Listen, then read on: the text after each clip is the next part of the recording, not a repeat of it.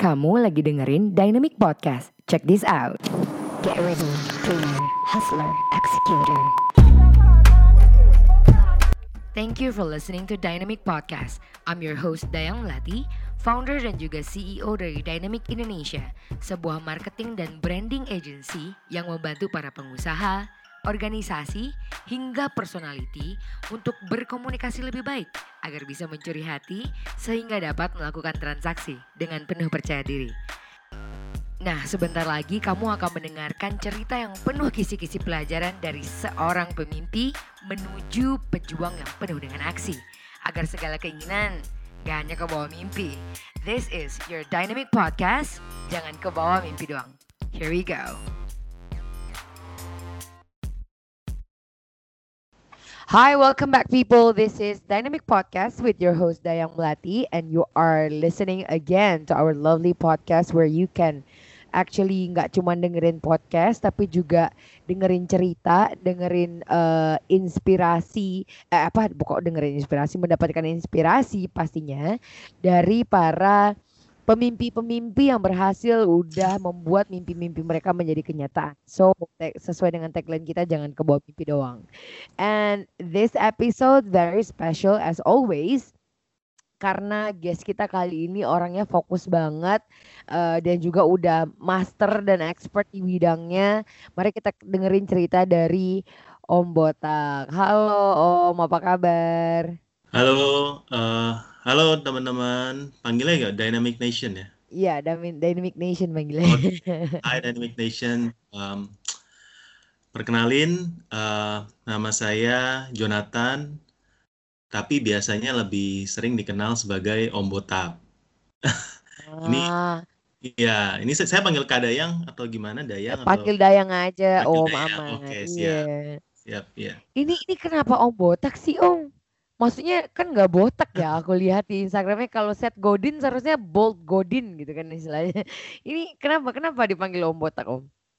Oke, em, sebenarnya itu ceritanya kalau eh, teman-teman yang udah follow lama atau yang udah baca buku saya Marketplace Marketing itu Hmm. tahu itu memang inspirasi dari nama Om Botaknya sebenarnya eh, ketemunya nggak sengaja ya atau ya hoki lah ya. Oke. Eh, Aha. jadi saya sendiri buka toko online pada tahun 2011, Maret 2011 saya jualan di marketplace di Tokopedia. Oke. Nah, mungkin eh, Dynamic Nations eh, belum tahu ya, masih banyak yang belum tahu kalau Tokopedia sebenarnya sudah cukup lama. Dia Iya. berdiri Wow, pada tahun 2011 ya kok ya? 2009. Jadi waktu saya join itu udah dua tahun sebenarnya.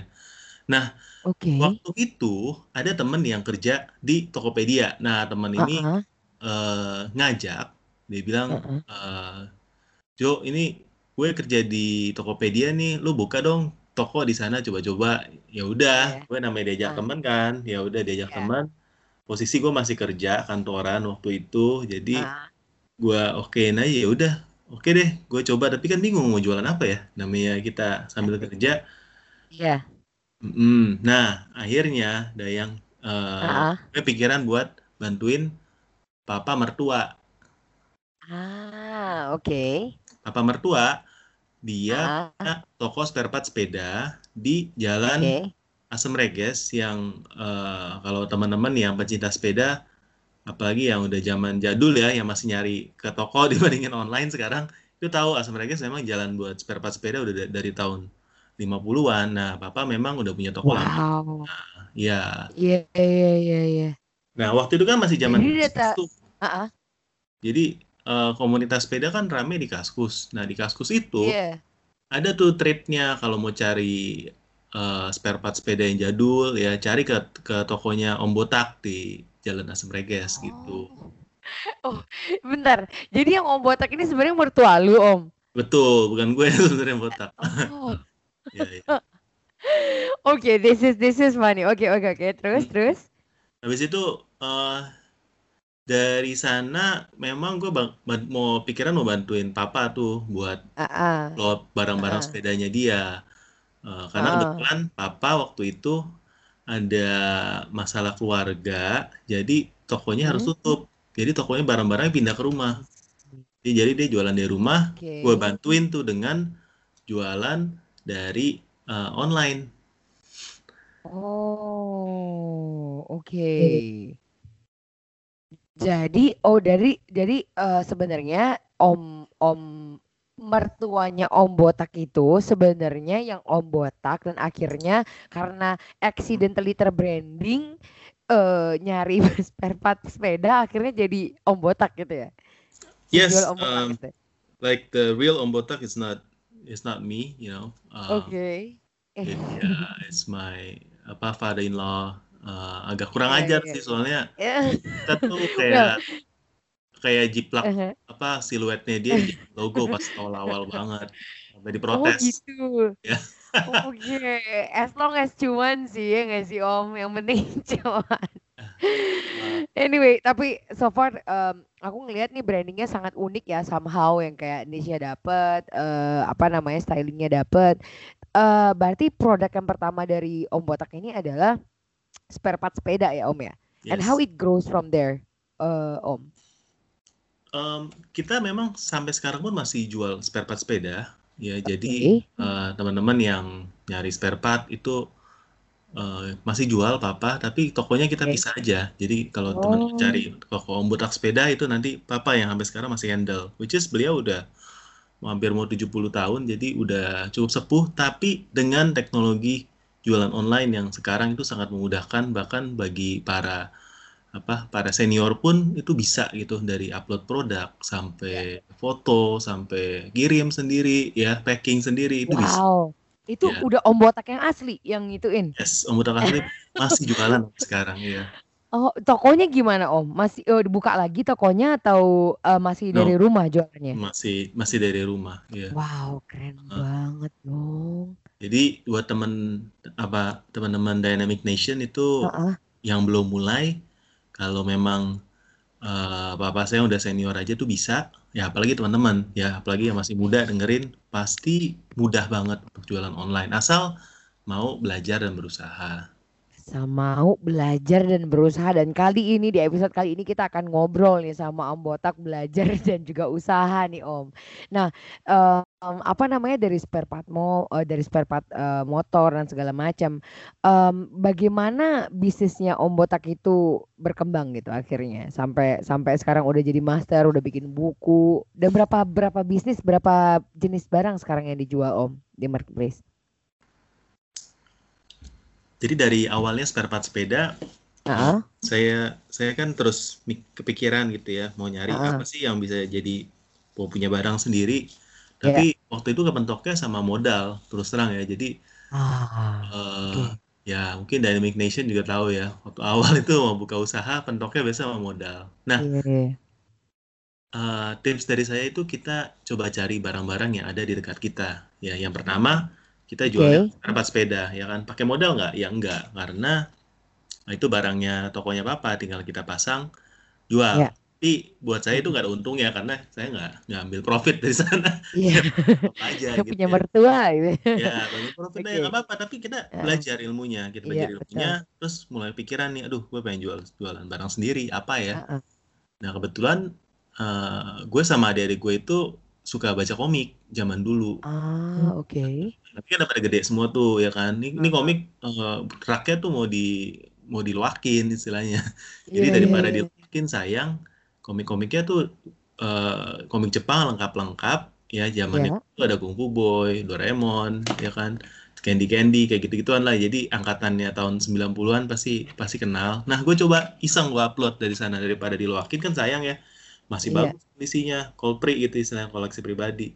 Jadi gue Iya, coba bikin dan ternyata eh, langsung laku ya. Eh, dan Wow. gue berasa ah, waktu itu, wih kemurahan nih gue jualnya ya. Bener ya.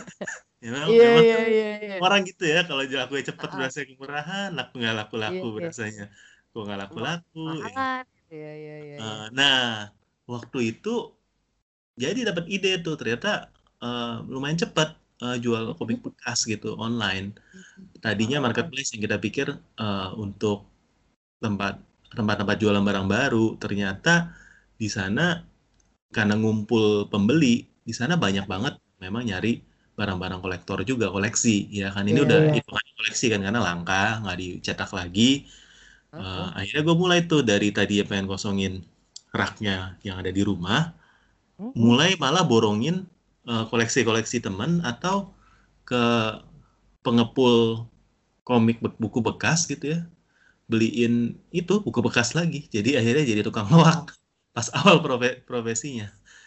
Jadi komik bekas, buku bekas, novel, uh, barang-barang bekas itu yang menjadi uh, cikal bakal dari Om Botak yang sekarang. Jadi teman-teman uh, jangan pernah mengesepelekan apa sesuatu yang memang kelihatannya kayak sampah, tapi sampah itu ternyata bisa jadi harta karun buat orang lain. Ya karena Iya. modal mungkin kecil ya, Ya. bahkan hampir nggak ada, tapi keuntungannya tuh bisa wow gitu ya. Maksudnya Luar biasa. uh, bah bahkan ya lebih mahal daripada komik barunya gitu. Kalau Oh, misalnya, really? hmm, Iya. definitely karena Wow. itu langka. Ya, ya. Kita kan ngomong soal supply demand kan.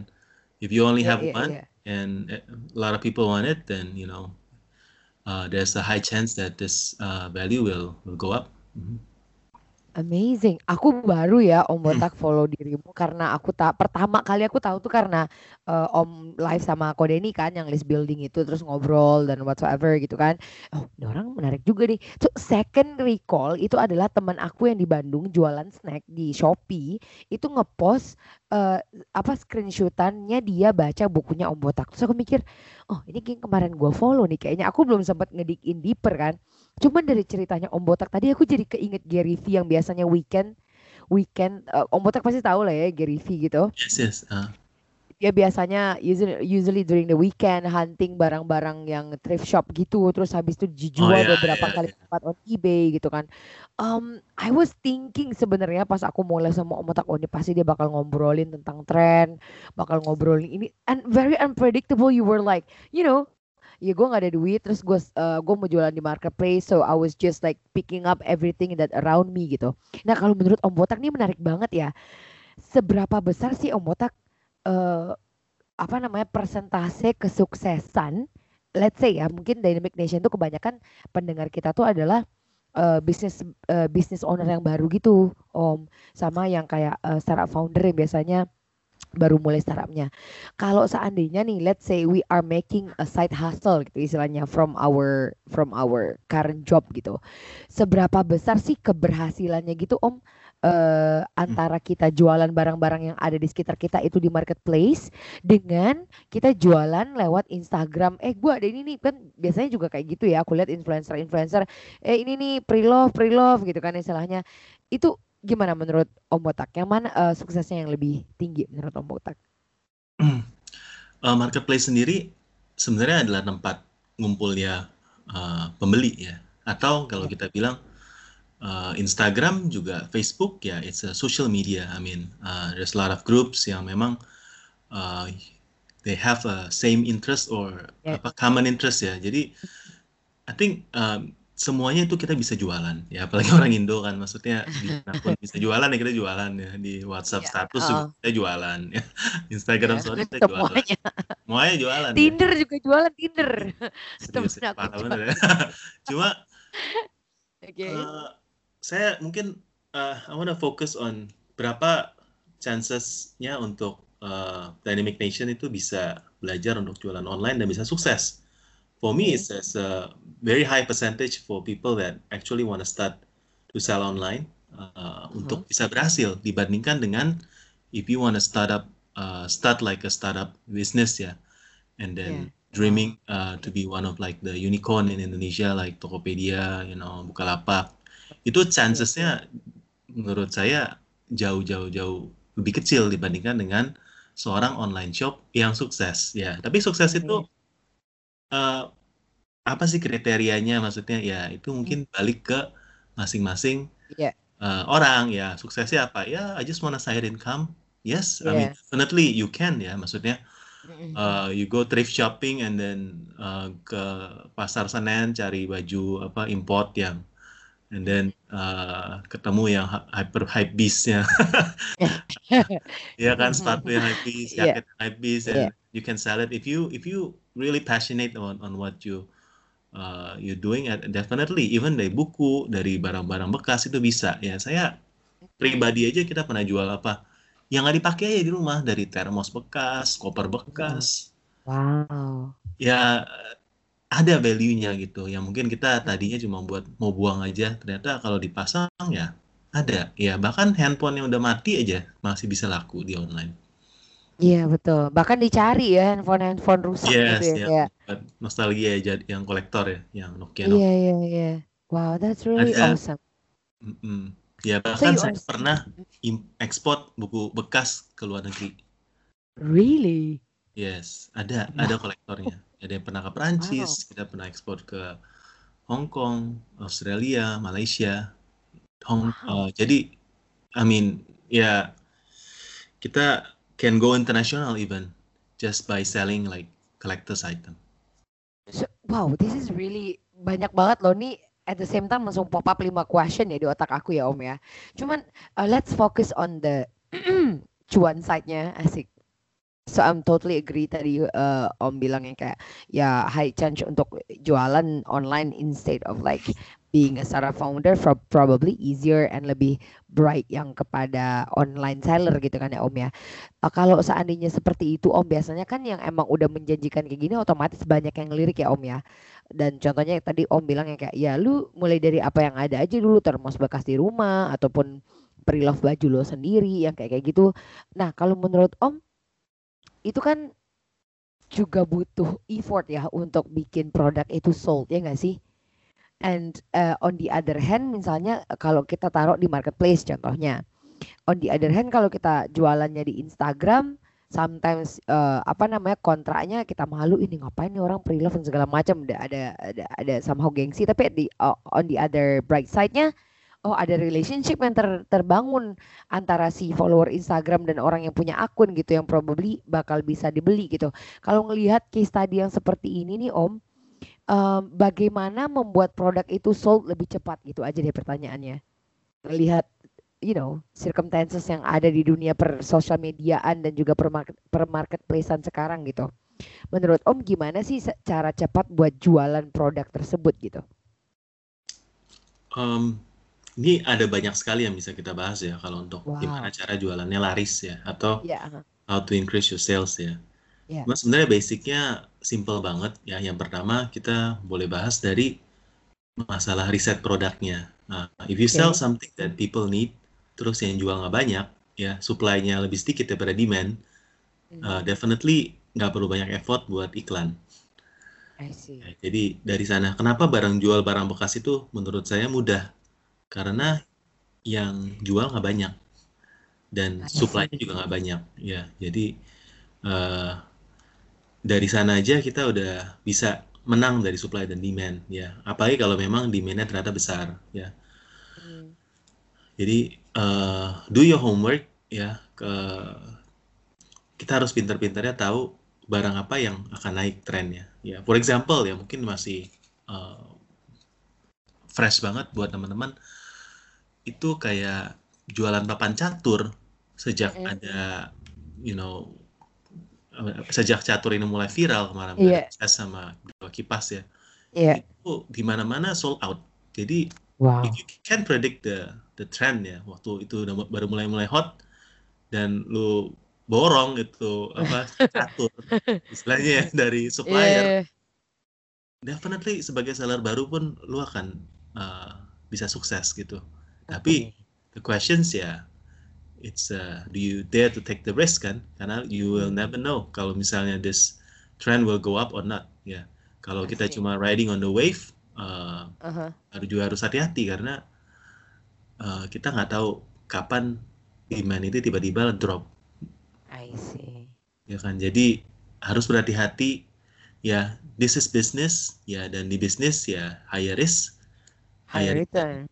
Ya Iya. Jadi, kalau mau jual aman-aman juallah sembako barang-barang FMCG ya memang semua orang perlu nggak ada expirednya ya dan tapi marginnya pasti tipis ya Iya. lari beda 100 juga orang lari ke sebelah ya dan Betul. kita sebagai seller baru kita nggak punya susah untuk bisa bersaing dengan toko-toko yang udah lebih mature dan lebih besar gitu Iya. Oke. So so i- uh, ada lagi nggak Om? I'm listening. Ini kiat suksesnya tadi dari segi uh, pencarian produk ya Om ya. yang Yes, dan dari kedua segi pakai teori supply riset and produk demand. ya. Hmm, Yang kedua, kalau memang kita jual barang yang udah udah red ocean ya, istilahnya Hmm. udah banyak yang jual dan Mhm. uh, produknya memang juga laku, tapi yang jual tuh banyak banget. Ya, you have to be different. Ya, either kita try to find something that the our competitors don't have. Ya, ini seperti startup sebenarnya kan. Kalau if you wanna start up like uh, sta- join a startup business ya, kalau mau join yang udah playernya udah mature gimana ya? You have to Hmm. find your secret sauce ya, kalau dalam bahasa startup ya. Mhm, Makes mhm. you different than than your competitors ya kan. Kalau enggak Mhm. investor nggak mau invest ke kita kan ya itu sama ya what's your secret sauce in order to compete sama apa di uh, old players ya Um, dan secret sauce-nya banyak sebenarnya ya Apa aja tapi tuh faktor yang harus dilihat Om kalau pengen finding secret secret sauce? ya harus ada micinnya Oke, that's funny. ya Oke. bisa ya Gue assume ada micin itu ada kepanjangan, ada nggak Om? Apa this is really a joke? ya ya Oke. kalau nggak micin kan kena lagi orang kan Iya. ya. ya service um, ke service be different ya dalam dalam kita punya foto deskripsi harus bisa pinter-pinter datengin traffic dan uh, ya sebenarnya banyak lagi ya tapi terutama sih iklan sebenarnya Oke. marketplace ya we talking about gimana cara mendatangkan traffic ke toko ya, sama seperti kalau kita jualan di pasar Iya. kalau kita mau tempat yang di depan pintu masuk yang rame itu bayarnya pasti lebih mahal ya sama ya di marketplace pun juga sama seperti itu ya if you wanna tempat yang memang rame ya bayarnya lebih mahal daripada tempat yang di lantai tiga di pojokan dekat WC bau ya lebih murah, lebih murah Oh, ya. mhm. Oke. ya mungkin de- dekat dekat WC bagus juga sih banyak lewat tapi kalau orang Iya. lewat sana udah nggak konsen ya biasanya dekat WC ya udah Nggak pengen beli, fokus ya. ya. ya fokusnya udah beda kalau sana Mhm, mhm, nyantai yang pengen browsing ya jadi mhm. uh, it's all about mm, traffic ya dan dan iklan ya jadi yang jualan banyak ya di Shopee aja mungkin uh, ada Mhm. 10 juta sellers ya Yes. no the active uh, number of sellers tapi Shopee 10 juta, Tokopedia juga klaim sekitar 10 juta, belum lagi yang lain Bukalapak, Lazada ya kalau kita bisa Mhm. names the apa startupnya ya banyak sekali yang jualan. Jadi kalau kita mau jual barang, definitely kita nggak akan jadi yang pertama yang jual barang itu sekarang biasanya, karena udah banyak sekali saingan yang jual barang yang sama. Mhm. So you have to bring the traffic either lewat social media, direct traffic ke marketplace atau iklan dalam marketplace. Oke, so basically it's aku tertariknya pasti bagian ini nih. Pas Koko bilang, ya you have to find to find your uh, secret sauce. Pertama, being different. Dan ini nih kok yang uh, pengen banget aku going deeply. Uh, let's say first you talk about the service. The service balik lagi ternyata yang paling penting itu adalah gimana ngedatengin traffic lewat iklan gitu kan ya kok ya. Uh, so aku bisa ngerangkum how to actually being differentnya ya pertama adalah servicenya harus diperbaiki kedua kamu harus ngiklan gitu ya kok ya terus ada lagi nggak kok yang lain untuk yang marketplace itu sendiri? Or you have to have a really strong brand. Oke. Ya yang Oke. memang eh, zaman sekarang ya building brand ya sama eh, nggak gampang. Iya. Ya True. karena brand itu ada tiga equation yang how to build a good brand. Mhm. Uh, the first one is uh, money the second one is time and the third one is energy so uh, if you don't have the money then you have to put in a lot more energy and wait uh, longer time then I see Ya, tapi kan banyak yang bilang, aduh nggak ada duit. Ya, ja, bikinlah waktu lu buat main di TikTok, main di Instagram, buat iya iya uh, buat bikin brand lu famous ya. Jadilah Iya. influencer dalam apa duniamu. Tapi Hmm. ya waktu itu kan free, tapi sebenarnya kan itu kalau diduitin kan lumayan ya. Jadi that's your energy, that's your time ya. Mhm. Kalau punya duit ya gampang. iklan, en- minta orang endorse ya untuk building Yeah. that brand ya. Yeah. Basically if you have a good brand, ya it, it will stand out. Uh, make it viral ya.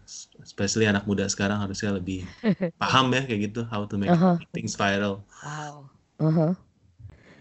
Oh, wow. Well, actually I'm I'm a bit shocked dan juga uh, realize wow, wow, ini benar juga sih yang dibilangin Koko. Karena kebanyakan klien kita di Dynamic Indonesia they don't they make 1,2 m omset selama enam bulan itu through social media tapi direct sellingnya lagi-lagi ke Shopee gitu ya kok ya.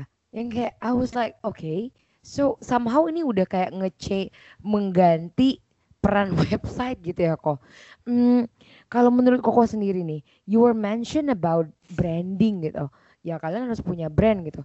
Tapi kan kalau seandainya gimana gimana sih definisi brand untuk marketplace itu sendiri kok? Apakah melewati yang tadi aku bilang ngebrand jor-joran di marketplace, habis itu eh di di di social media, terus habis itu direct selling ke Shopee atau kayak gimana kok? Kalau dari teman-teman yang berjualan lewat social media lalu direct ke Shopee, ya saya rasa itu tren yang lagi terjadi sekarang ya. Iya, oke. Um, Karena marketplace memang menyediakan sebuah trust Oh, di mana uh, sebagai pihak ketiga mereka garanti uh, transaction antara pembeli dan penjual itu aman.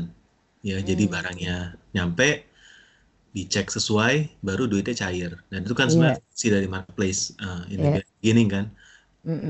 Karena dulu se- lewat platform Kaskus atau gimana banyak yang sering kena tipu. Mm-mm. Karena jadi rekbernya sekarang di marketplace. Nah, eh, makanya mereka minta ada Shopee-nya nggak, ada Tokopedia-nya nggak gitu untuk teman Iya. berjualan ya. Plus Mm-mm. yang kedua adalah free ongkir. Ya, itu juga Mm. Iya benar. kiri ya karena um, people love it, you know. Eh, Mm-mm. dan itu bukan sesuatu yang kita sebagai small business itu can afford ya. Maksudnya Mm. Startup yang lagi memang bakar-bakar duit ya bisa untuk untuk untuk afford it Iya. ya jadi mau nggak mau kita akan lariin ke sana ya Nah, ya Hmm. saya it's a, it's a fair game ya sekarang Mm-mm. tadi pertanyaannya apa ya sorry gue malah Oh distract enggak ini um, brand menurut uh, branding uh, you said ya pertama kan tadi udah service eh, iklan dan juga harus ada uh, branding yang kuat. Gimana sih cara ngebrand yang proper yang ngedatengin cuan di marketplace tuh kayak gimana kok?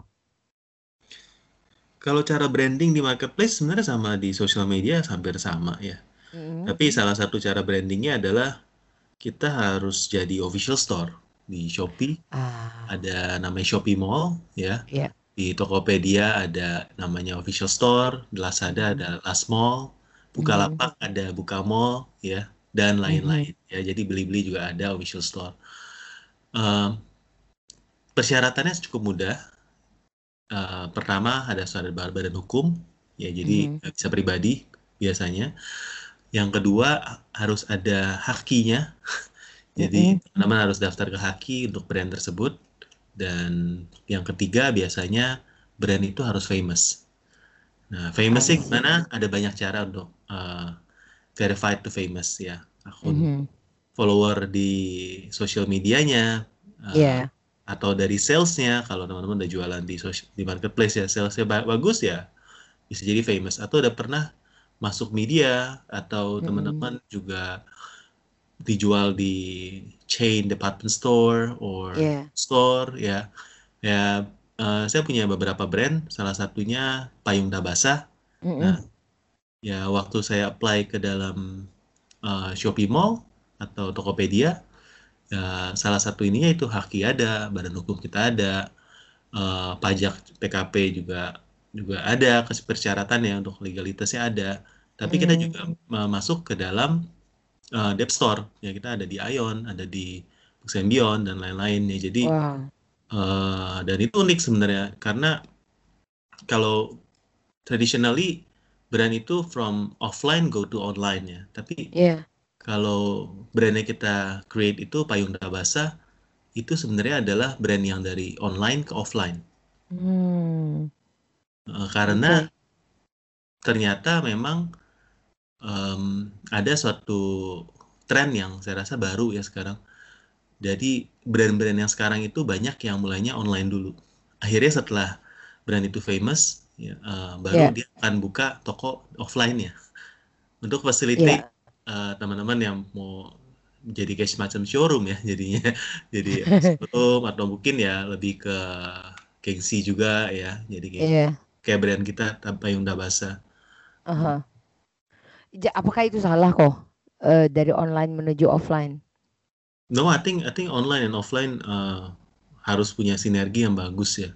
Karena sebelum customer beli kan mereka itu ada kalau di bahasa marketingnya sebenarnya ada puluhan uh, key touch ya buat mereka Hmm. akhirnya beli ya dari Mhm. uh, social media, social media banyak ya dari review, dari video di YouTube, dari Hmm.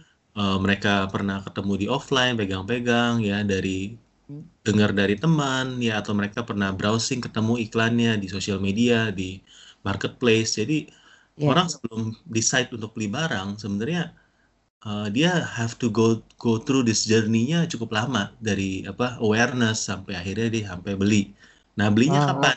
Belinya pas event nanti. Nah, kita kebetulan kalau uh, ini rekamannya sekarang ya, uh, yang paling dekat itu eventnya 44.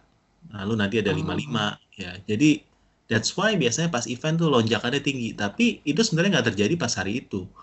Nah, Iya. biasanya uh, teman-teman nih yang memang udah sering belanja, itu keranjang belanjanya nggak kosong itu. Biasanya ada Oh. 99 plus keranjang belanjanya. Iya iya iya Nah, kan di wow. check out pada waktu event.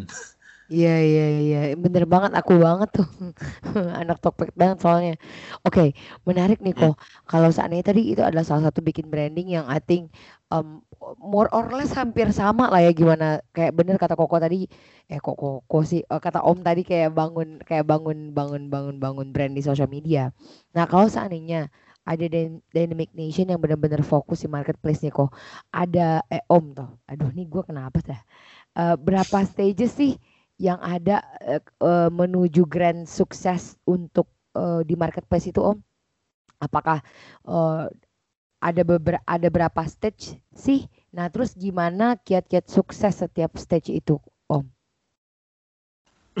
Wah, berapa stage ya? Sebenarnya Oke. sih jualan Yay, uh, asking right jualan tuh simple banget ya, nggak perlu sampai ada Heeh. teorinya harus berapa stage ya. Mungkin Iya. Lebih ke ini aja ya kalau menurut saya. Uh, Heeh.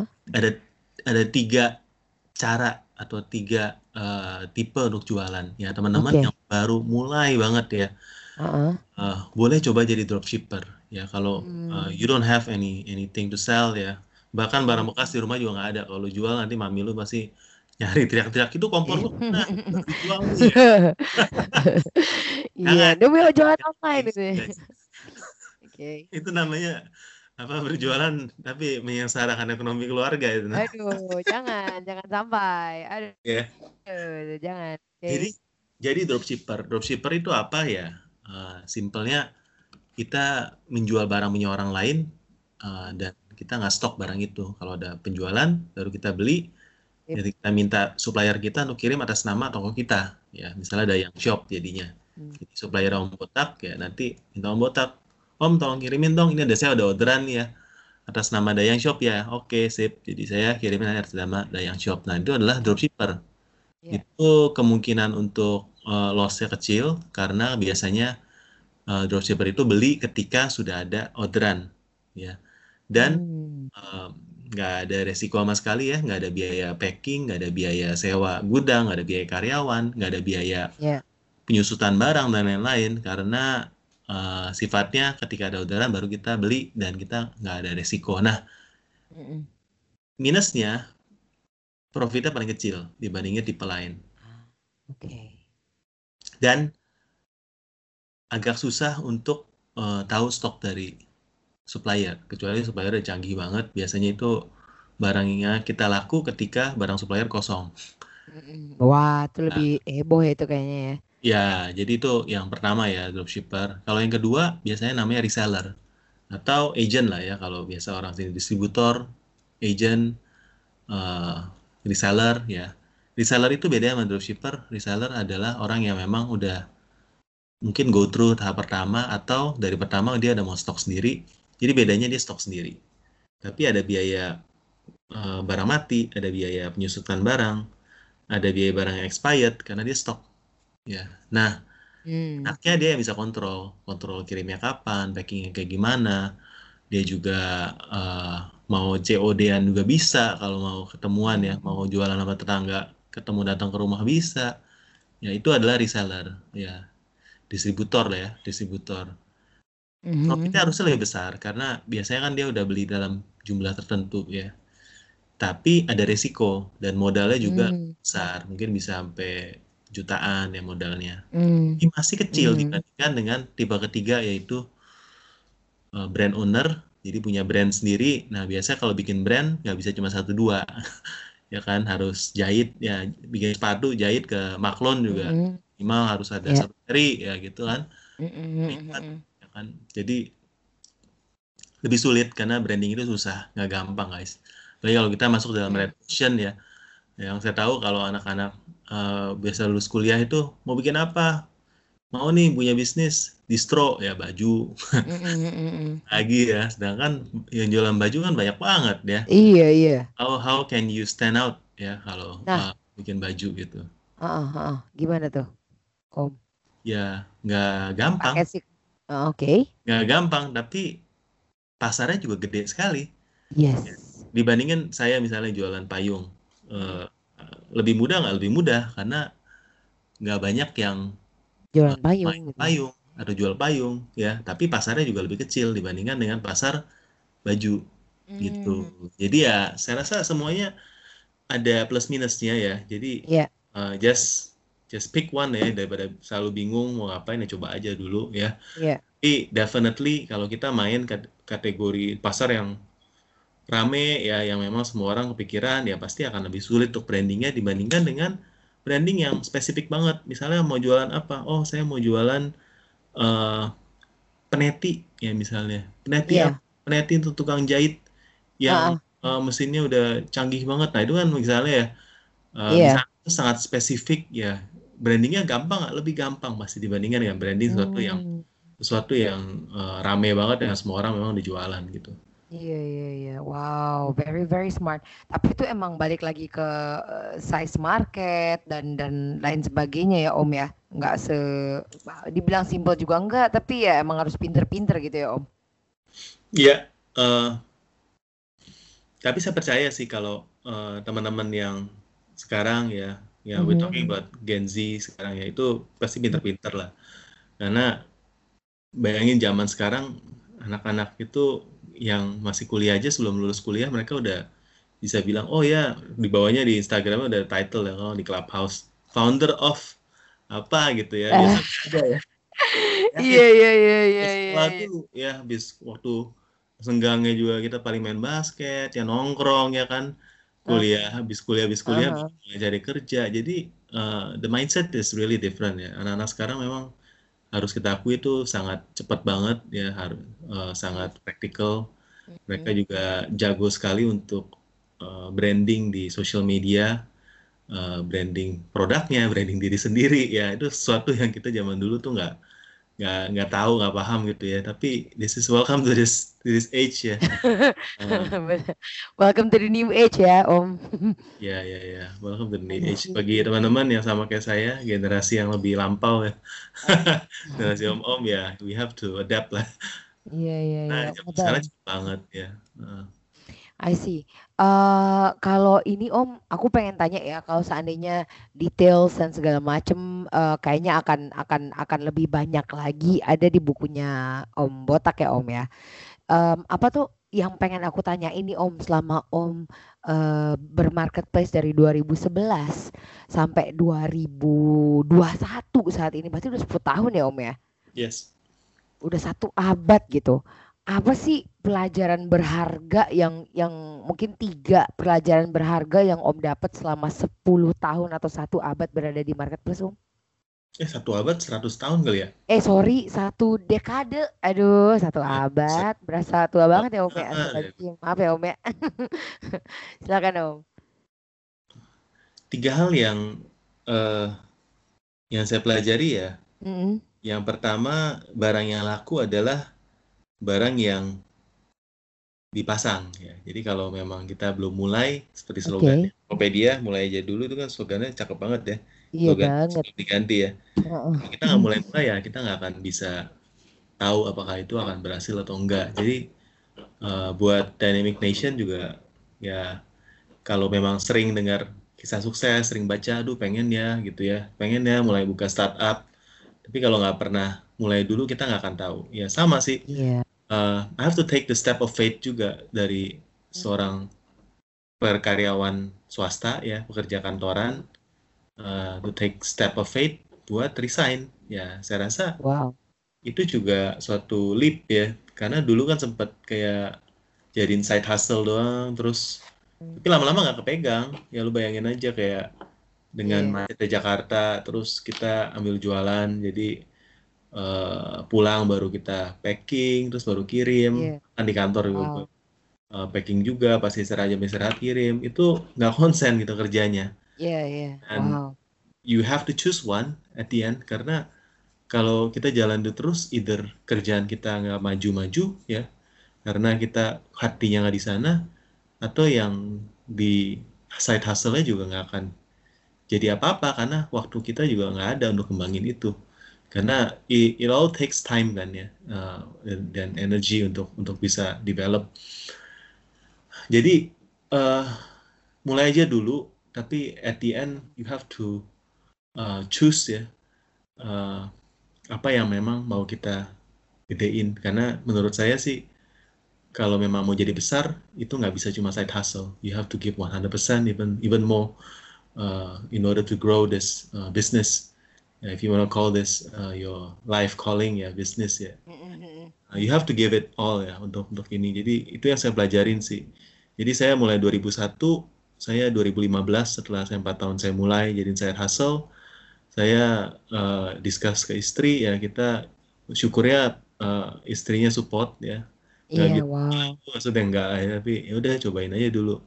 Toh juga waktu itu kalau kalau it doesn't work out ya istilahnya gue masih laku dalam dunia kerja itu kan masih muda Iya. if I'm if I'm Hmm. like 40 50 maybe I'm not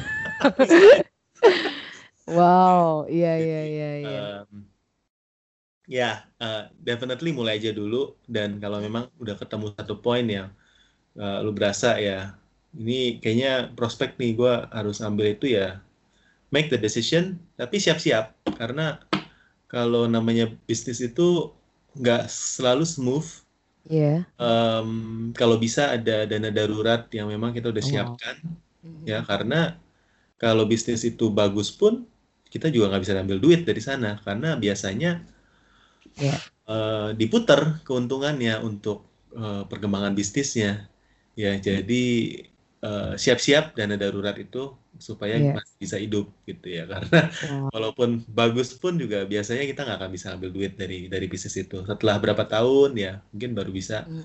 mulai menikmati ya dan yang eh, berikutnya mungkin yang saya pelajarin um, always uh, be humble ya buat buat belajar Iya.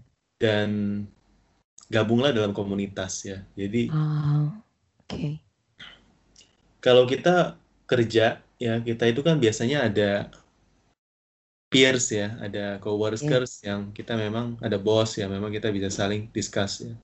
Tapi being an entrepreneur is a is a lonely journey ya untuk uh, teman-teman either you are starting a startup uh, startup ya or uh, having your own online business ya. It's a very lonely journey ya. Mungkin uh, your family or your friends doesn't understand you karena ya ya, you are different. Ya maksudnya pebisnis di Indonesia ada berapa sih?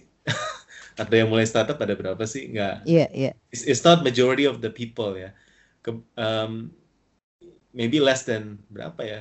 Dokter Insi- dulu Insinyur Putra kan selalu bilang ya cuma Hmm. berapa persen kita dibandingkan dengan negara lain. Ya it's it's a you are unique minority ya.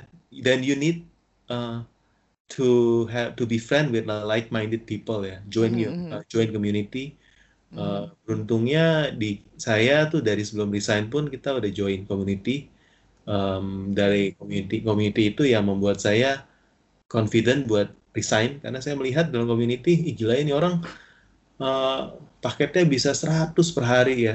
Wow. Nggak bisa ya jualan online tuh paket segitu ya dan uh, kalau nggak di community mungkin nggak ada dorongan buat saya resign karena saya nggak melihat bahwa ini bisa gitu ya. Karena zaman dulu kan mindsetnya kalau pas saya resign itu uh, jualan online kayak aduh lu ibu-ibu apa yang jualan pakai BBM ya. Zaman dulu kan mungkin konotasinya kayak gitu ya. Jadi bukan sesuatu yang keren. Yang lebih keren ke kantor uh, pakai kemeja ya mobil Iya, iya. kantor ya kan. Zaman dulu aja mobil gue tuh udah dikasih fasilitas kantor udah Innova gitu kan maksudnya position udah nyaman dan udah udah lumayan bagus gajinya ya Iya. ya tapi I have to I have to choose ya maksudnya uh, my passion ya dan dan gue melihat bahwa uh, dalam diri gue itu memang kita punya DNA-nya itu memang menjadi pebisnis gitu ya Iya. DNA-nya udah ada di situ ya. Om ya. Ya, guys. dan dan dan semakin kalau gue lihat flashback ya memang uh, bukan gue bersyukur ngambil keputusan itu gitu.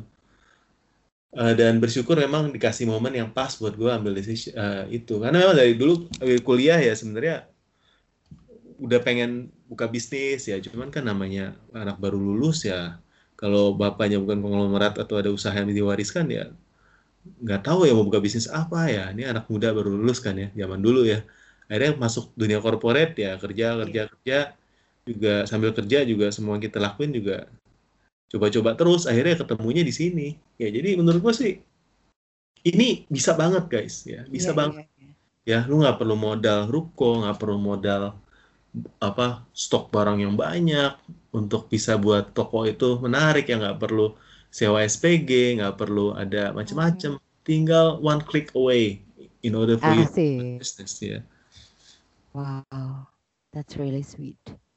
Wow. Tadi mintanya dua, eh tiga ya kok ya, eh om ya. Tapi berasa kayak udah sepuluh gitu yang kayak aku tuh dengerin sambil nyatet ya Allah. Ini satu dekade berdi di marketplace gitu. Hmm, Oke, eh, oke deh kalau gitu aku akan summarize the uh, for my last question Niko before uh, Om before closing statement. Menurut Om Botak nih, kesalahan namanya kegagalan kan emang nggak bisa kita hindari ya Om ya. Pasti akan selalu ada, nggak laku apa segala macam gitu kan.